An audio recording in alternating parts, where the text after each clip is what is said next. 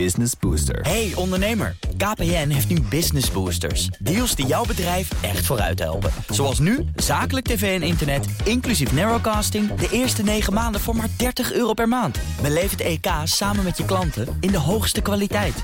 Kijk op kpn.com slash businessbooster. Business Booster. De BNR Techniek Tour wordt mede mogelijk gemaakt door Wijtechniek. Wijtechniek. Samenwerken aan jouw ontwikkeling.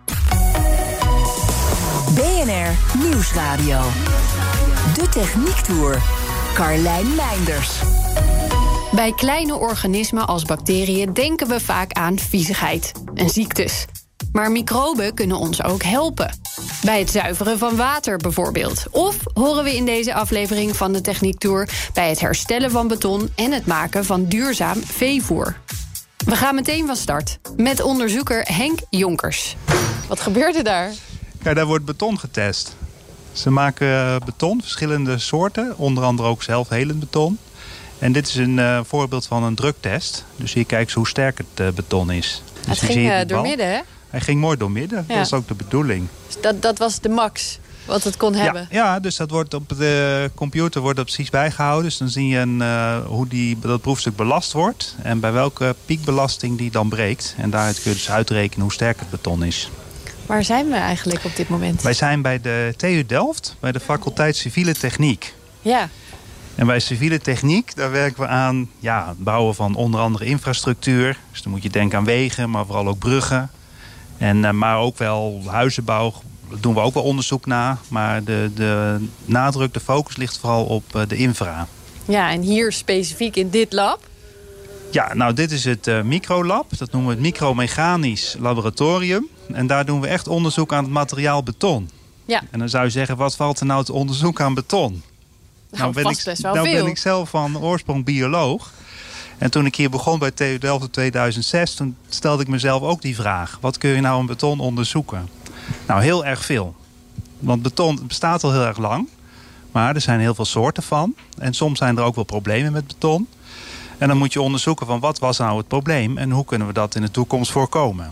Ja, er zit ook een stukje duurzaamheidsonderzoek in, denk ik. Zeker. De laatste jaren is dat steeds meer van belang. Ja. En beton krijgt wel eens zeg maar, de schuld dat het een niet milieuvriendelijk product is. Nou, dat vind ik niet helemaal terecht, ook als bioloog zijnde. Beton is nou eenmaal het materiaal wat het meest gebruikt wordt in de bouw. Nou, en daarom zal het ook uh, veel bijvoorbeeld CO2-emissie veroorzaken. Met name door de productie van cement. Maar als je nou zegt van is dat nou voor beton heel erg veel slechter dan voor andere materialen... dan is dat zeker niet zo. Het is dus vooral zo, er is heel veel beton wordt er gebruikt. En daardoor krijgen we ook heel veel CO2-emissie. Maar ook is dat een van onze taken om te kijken hoe we dat toch kunnen verminderen. Ja, dus dat beton blijft nog wel even? Dat blijft zeker. Dat blijft nog heel erg lang blijft dat bestaan. En hoe proberen jullie dat een beetje beter te maken dan het is? Nou, op twee verschillende manieren. Uh, beton heeft namelijk de eigenschap dat het wil gaan scheuren. Als je het, met name als het onder trekbelasting wordt blootgesteld. Ja. Nou, dan krijg je kleine scheuren. En dat is eigenlijk de reden waarom we de stalen wapening in doen. Wat zorgt er voor trekbelasting? Bijvoorbeeld als jij heel hoog gaat bouwen. Kijk, de Romeinen die, die bouwden vroeger op druk. Net, net als de Inuit igloos maakten. Dat Ja. is een voorbeeld van op druk bouwen. Dan vindt er eigenlijk geen trekbelasting plaats op dat beton. Maar wat Heel wij, slim dus eigenlijk, hè? Dat, was heel slim. Je hebt alleen heel veel ruimte nodig en je kunt niet zo ver de hoogte in. Dus als Ja. je verschillende verdiepingen wil maken, wat wij wel willen... dan krijg je bijvoorbeeld een flatgebouw. Nou, daar speelt windbelasting op. Dus die wind die duwt daar tegenaan. Dus dat gebouw wil gaan ombuigen. Nou, dat is bijvoorbeeld trekbelasting. Ja. Nou, daarvoor heb je dat staal nodig... die ervoor zorgt dat het beton sterk genoeg is... om niet helemaal door te buigen... en uiteindelijk natuurlijk niet door te breken. Nee, dat wil je niet. Nou, maar tijdens die belasting krijg je hele kleine scheurtjes in je beton. dat is nou, gewoon normaal, hè? Dat is normaal. Ja. En dan zou je zeggen, is dat erg? Nou, niet voor de sterkte. Want daar wordt dat uitgerekend door de mensen hier van civiele techniek. Ja. Constructeurs, van hoeveel staal moet er nou in dat beton? Hoe sterk moet dat zijn, et cetera. Dan wordt het even onder zo'n apparaat gelegd. En Dan, dan voor druk de uitgeoefend. Ja. Precies, om te kijken hoe en wat. Ja. Nou, maar wat is nou uiteindelijk wel het probleem? Die kleine scheurtjes kunnen leiden tot lekkageproblemen. Als je Ja. bijvoorbeeld onder de grond bent, denk aan een kelderwand of een tunnelbak. dan, dan heb je grondwater wat daarop staat te duwen. En dan krijg je lekkage door die kleine scheurtjes. Nou, tegelijkertijd krijg je dan ook het probleem van betonrot. Dat is die, die, die wapening, die stalen wapening, die gaat dan corroderen. Ja. Gaat roesten. Nou, nou zie je al het probleem. Als die stalen wapening dus is doorgeroest... dan ben je die treksterkte kwijt. Dan stort het in. Nou, Ja. bij ons gebeurt dat gelukkig heel weinig in Nederland. Omdat wij heel veel inspecties doen en net zeggen, dat- reparaties. dat, zit hem in de controles ook, denk ik. Hè? Precies, ja. Ja, Maar soms kun je dat toch niet heel goed zien. Kun je er niet bij. Nou, en dan gebeurt er wel eens een ongeluk. Ja. Nou, bijvoorbeeld in, in het oosten van Europa gebeurt dat veel meer dan bij ons. Maar ook bijvoorbeeld in Amerika gebeurt dat heel veel. Storten regelmatig gewoon bruggen in. Door eigenlijk gebrek aan onderhoud en reparatie. Ja. We hebben wat- hier natuurlijk ook wel eens een probleem met een brug gehad in de laatste paar jaar. Dat kan, hè. En Ja. vaak is dat dus zo doordat er te weinig reparatie en onderhoud... of eigenlijk te weinig controles plaatsvinden. Ja. Dus dan kan dat. Nou, wat hebben wij nu bedacht als oplossing? We maken beton wat zichzelf kan herstellen. Zelfhelend beton. Ja, dat, dat klinkt al te gek. Jullie zijn hier wel al een hele tijd mee bezig, toch? Ja, met dat onderzoek zijn we begonnen in 2006... Ja. aan verschillende materialen. Te kijken van wat voor manier kunnen we materialen zelfherstellend maken. Nou, eh, in 2006 zijn we begonnen met beton. Dat hebben we in 2008 hadden we dat ontwikkeld in het laboratorium. Maar goed, dan heb je één type beton. Nou, in de praktijk zijn er wel honderd, misschien wel duizend verschillende types van beton. Ja, Dus dan begint het echte werk. Voor welke toepassing ga je dat nou gebruiken? En kan je ook bewijzen dat het werkt. Voor in de al die praktijk. typen. Voor al die verschillende typen. ja. Ja. Waar bestaat, wa- waar moeten we aan denken als jij zegt zelfhelend beton? Hoe, hoe werkt het precies? Nou, het is, het is eigenlijk heel makkelijk. Je maakt gewoon normaal beton. ja? Voor de toepassing die je nodig hebt. Alleen stop je daar wat extra's bij in. En dat noemen we zelfherstelmiddel. En In het Engels noemen we dat healing agent. ja. Nou, healing wil al zeggen een soort van medicijn. ja. Dus dat zijn hele kleine eh, korreltjes, balletjes... die bestaan uit gedroogde bacteriën, Ja. bacteriesporen... met voedingsstoffen. Dus dat is een soort poeder. Een soort levenspakketje. Ja, het is net als jij eh, een brood gaat bakken, dan heb je ook eh, gist nodig. Nou, die gist die kun je drogen. Dus je kunt in de supermarkt gewoon een zakje gedroogde gist kun je kopen. Die is levend, maar droog. Hè, dus op dat moment zijn ze niet actief. Een soort winterslaap. Winterslaap is dus, eh, vergelijkbaar met, met plantenzaadjes, Ja, zeg maar. Hè, die zijn ook kiemkrachtig, alleen zijn op dat moment niet actief. pas Maar als je ze in de aarde stopt met een beetje water. ja, dus hè, wat hebben ze nodig? Water en voedingsstoffen. Ja. Nou, wat hebben, we nou, hebben wij nou bedacht? We gaan die bacteriën dus op in grote hoeveelheden kweken tot sporen. Die gaan we drogen tot poeder. Dan mengen we dat poeder met voedingsstoffen. En daar maken we dus die kleine korrels van. Ja. Nou, dat poeder dat mengen we dan mee in beton. Nou, die bacteriën die zitten daarin. En die kunnen 200 jaar kunnen die kiemkrachtig blijven. Wat lang, Dat joh. weten we. Ja. ja. Nou, wat hebben ze alleen nog nodig? Hoe lang gaat een betonplaat mee? Minder lang nou, kijk, die, wat ik zei, die infrastructuur... die wordt vaak gebouwd voor een levensduur van minimaal 100 jaar. Ja, dus die, en die liever, liever die, nog eh, langer. Die overleven dat wel. Ja, die overleven dat. Oké. Ja.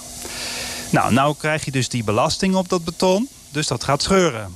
Nou, wanneer gaat dan dat zelfherstelproces werken? Ja, even voor de duidelijkheid. Het is niet een soort pleister op een wond dus. Het is niet zo, hé, hey, er zit een scheur, we smeren hier even Je wat, hoeft niks wat meer te doen. Het zit al het door zit er al in. Ja. ja. En net als jezelf, hè, als jij een, een, een eh, wondje krijgt, een schaafwondje. Ja, dat doet even zeer, maar dan gaat vanzelf dat herstelproces gaat van start. Ja. Dus dat is nu met het nieuwe beton ook. Nou, dus dit, dat, die krijgt die belasting, je krijgt die scheuren erin. Nou, is dat dan een probleem? Nou, vaak niet, hè, door de sterkte niet. Behalve als er water in het spel is. Nou, en dat water is nou precies hetgene wat die bacteriën nog nodig hadden om actief te worden.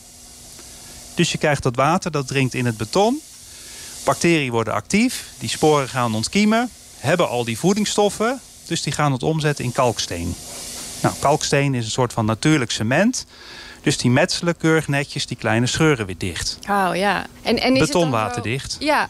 En is het dan zo dat over de tijd kunnen misschien weer nieuwe scheurtjes ontstaan. Daar komt weer een beetje water bij. Dan begint het proces gewoon weer opnieuw. Ja, dat begint opnieuw totdat die voedingsstoffen op zijn. Ja. Dus dan werkt het niet meer. Dus je moet van tevoren goed bedenken... van hoeveel scheuren denk ik dat ik ga krijgen... en hoe groot zijn die scheuren. En daar moet je ook de dosering dan op aanpassen. Hoeveel eten hebben de bacteriën daarbij nodig? Ja, ja dus die korrels, die kan ik je zo even laten zien. Ja. Dat bestaat dus voor meer dan 95% eigenlijk uit voedingsstoffen en maar een paar procent uit die bacteriën. Aan dit zelfhelende beton op basis van bacteriën wordt al een tijdje gewerkt. Het is inmiddels al vijf jaar op de markt en je vindt het op verschillende plekken in Nederland terug. De meeste bestellingen komen nu nog uit het buitenland. En vaak is de toepassing preventief, om lekkage te voorkomen op plekken waar de kans groot is dat het beton nat wordt. Maar er zitten nog andere voordelen aan zelfhelend beton.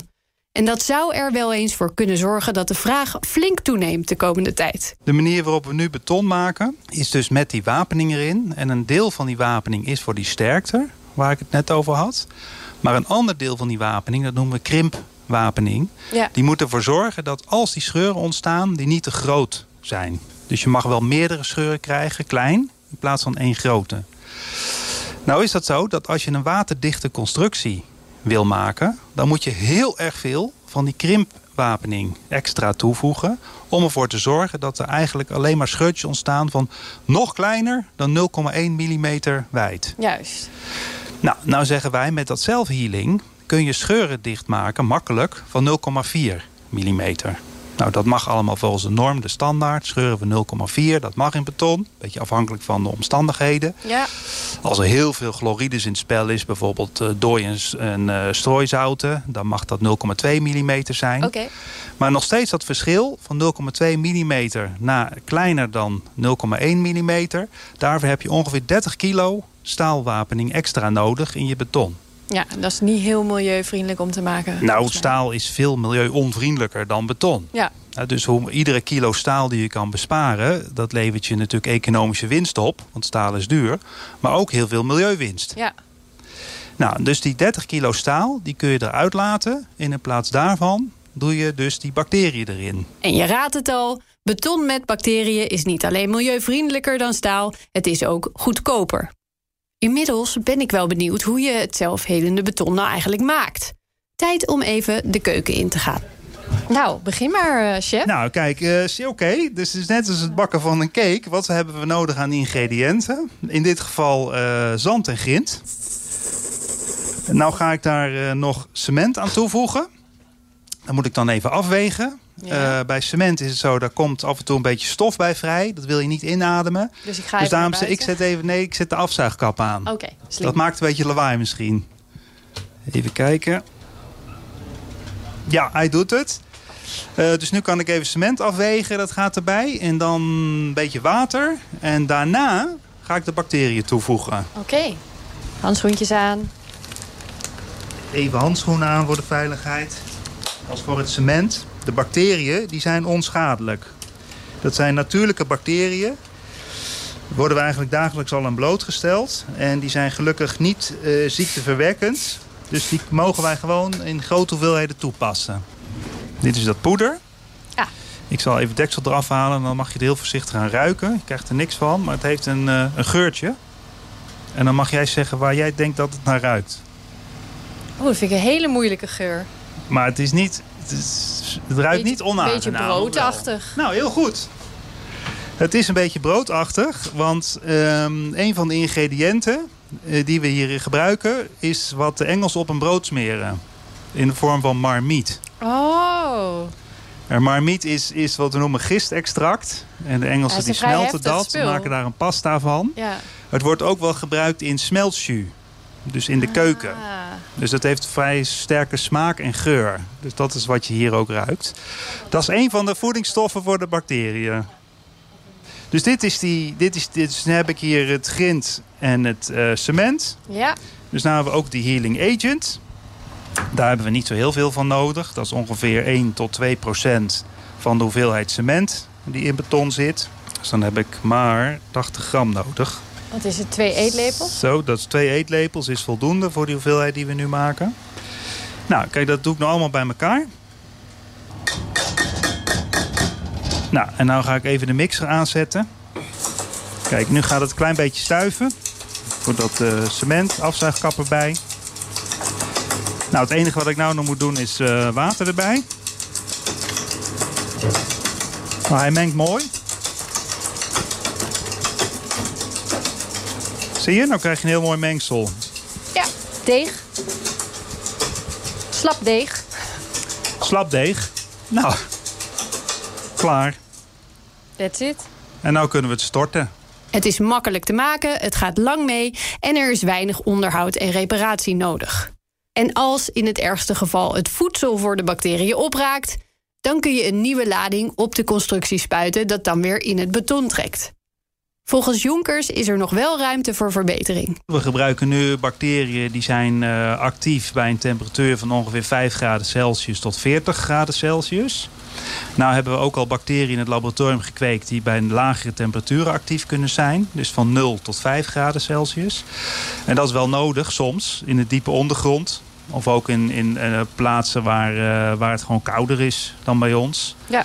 Uh, dus daar kan je dan toch kijken van welke soorten van bacteriën kunnen we toepassen. Die het wat sneller doen, wat beter doen. Ook afhankelijk van de omstandigheden. Uh, verder valt er aan het betonmengsel altijd nog veel te sleutelen. Zoals dan kunnen we bijvoorbeeld dat, uh, aan die wapening kunnen we gaan rekenen. In plaats van stalen wapening kunnen we ook vezels toepassen. Dat doen we ook wel. Verschillende soorten vezels. Plastic vezels, maar ook wel plantaardige vezels. Ja. Dus er is wat dat betreft op het gebied van beton... is er best heel erg veel uh, te ontwikkelen en te ontdekken. We kunnen nog wel even door met verbeteren. Zeker. In het geval van de betonbacteriën maken de microben kalk. Maar wat nou als je microben eiwitten uit kooldioxide en waterstof kunt laten halen... om ze vervolgens als duurzaam veevoer te gebruiken? Dat lukte biotechbedrijf Deep Branch. Momenteel wordt in het Limburgse Geleen hun eerste fabriek gebouwd en ik ging even langs. What we're talking about here is um, a way to more sustainably feed animals. Ah. So it's really, really resource intensive to feed things like chickens and salmon and, and all the animals that we eat when we when we think about meat. Usually we're using soy protein, which we'll ship from South America, um, which has a huge carbon footprint yeah. um, and is responsible for, for deforestation as well. Um, so we've actually invented a process that can actually use CO2 to make that protein. Oprichter Pete Raw is inderdaad Brits. Maar naast ons staat ook Mark van Doorn van de Brightlands Camelot Campus, waar we nu zijn. Hij vertaalt even. Ja, we maken hier dus uh, eiwitten voor, uh, voor diervoeding. Ja. Uh, voornamelijk voor, voor kippen of voor varkens. En normaal gesproken maak je dan gebruik van soja-eiwit. En dat, dat komt sowieso van ver weg. Ja. En is heel vaak verantwoordelijk voor het, voor het ontbossen van, van oerwoudgebieden. Het moet dus milieu-onvriendelijke eiwitten in diervoer vervangen. En tijdens het maakproces ruimen de microben ook nog eens CO2 op. Dat proces lijkt behoorlijk veel op het maken van wijn overigens. The process itself is a form of fermentation. So we let microbes do the work. Um, if you think about a normal form of fermentation, maybe something like making wine, you're using microbes to convert the sugar uh, in the grape juice into wine, you know, a nice higher value product. Um, and in our process, instead of using sugar as a source of carbon and energy, we actually use CO2 and hydrogen, these two gases. And uh, the process works much in the same way, you know, like you'd see in a brewery. Uh, but instead of making alcohol, it makes protein. Nou, dus uh, het proces waar ik gebruik van, van microben. En deze microben zijn speciaal omdat ze CO2 en waterstof kunnen omzetten in, uh, in eiwitten. En uiteindelijk vormen de microben zelf het, het eiwit wat je, wat je eruit haalt. De plannen voor deze techniek zijn groot. Deze eerste mini-plant, die ergens de komende maanden af moet zijn, is nog maar het begin. Over een paar jaar, hopen ze hier, moet gewoon alle gekweekte zalm die je in je lokale supermarkt vindt gevoerd zijn met deze eiwitten. Dan hebben we het dus over enorme hoeveelheden. We're talking about millions and millions of tons right? You're going to so be so busy. very, very busy. That's the plan, at least. and then this won't be big enough. No, exactly. But the idea is that we can stay, uh, hopefully within within Limburg, if not within the Netherlands, to, to have a, a full-scale commercial production facility. How long do you reckon you, you that will take you to move to the next scale? Yeah, so we think that our next scale will be in 2023, 2024. Um, and the idea is that by 2025, 2026, we have a production facility that's capable of producing uh, between 50 and 100,000 tons per year. 100.000 ton per jaar. Ga er maar aan staan. Hoe zijn ze eigenlijk hier in Limburg terechtgekomen? Really, it's uh, it's an aspect of safety because we use hydrogen gas and Yeah. oxygen, um, and obviously we need to be careful about how we manage that process. But here in in Limburg, um, you know, for for over 100 years they've been working on, on industrial chemistry right so um, we're in the right place for that and You it- get a lot of help with that as well. yeah, exactly. And, and it's a, basically about finding the right places where we have all that speciality. So, you know, where we can get a good, highly skilled workforce that, that understand the kind of process technology that we do. Because really, it's kind of less biology and, and more industrial chemistry. Hence why we're in Limburg. Het is het proces wat ze toepassen, is, is echt een, eh, zit op het grensvlak van chemie en, en, en biotechnologie. En eh, de truc zit hem eh, natuurlijk voor een groot deel in de biotechnologie. Maar je hebt enorm veel kennis nodig van een chemisch proces om Mhm. dit goed voor elkaar te krijgen. En dat heeft dan met name te maken met veiligheidsdenken en, en, en kunde. Hoe ga je om met gassen? Hoe krijg je die op de goede manier verdeeld? In het, eh, in het medium zonder dat, de dat de microben eraan doodgaan, zeg maar. Dat je zo hard roert dat het, eh, dat het kapot gaat. Ja. Nou, daar zit heel veel chemische techniek in. En natuurlijk, hier in, eh, in, in, in, in Geleen in Limburg hebben we daar heel veel ervaring mee. En kunnen we eh, eh, die branch daar enorm mee helpen. Omdat zij brengen er met name de biotech kant in. En eh Brighton Gemmelot Campus geeft dan met name de, de chemisch-technologische eh, invulling. Wordt dat ook onderhouden? Als in, eh, op een gegeven moment weet je heel goed wat je moet doen. Je hebt al heel vaak met een product gewerkt. Nou, daar kan bijna niks meer misgaan. Ja. Is, is er een soort refresh training voor iedereen die met dit soort processen werkt? Wordt Ja, dat continu bijgeschoold? ook? Ja, in de chemie is het standaard dat je iedere vier jaar eh, eh, het proces weer opnieuw bekijkt. alle veiligheidsstudies opnieuw doet. Om te bepalen dat het nog steeds veilig is.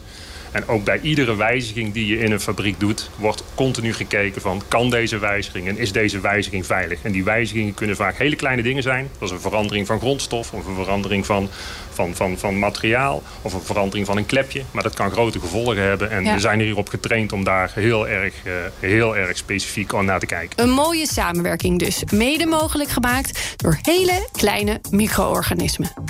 De uitzending zit er alweer op. Volgende week neemt mijn collega Paulien Wuster jullie mee het dak op. Hoe kunnen we al die extra ruimte zo duurzaam en slim mogelijk gebruiken? Tot dan vind je alle afleveringen van de Techniek Tour online en in de app. De BNR Techniek Tour wordt mede mogelijk gemaakt door Techniek Nederland. De makers van morgen. Hardlopen, dat is goed voor je. En Nationale Nederlanden helpt je daar graag bij. Bijvoorbeeld met onze digitale NN Running Coach... die antwoord geeft op al je hardloopvragen. Dus, kom ook in beweging. Onze support heb je. Kijk op nn.nl slash hardlopen.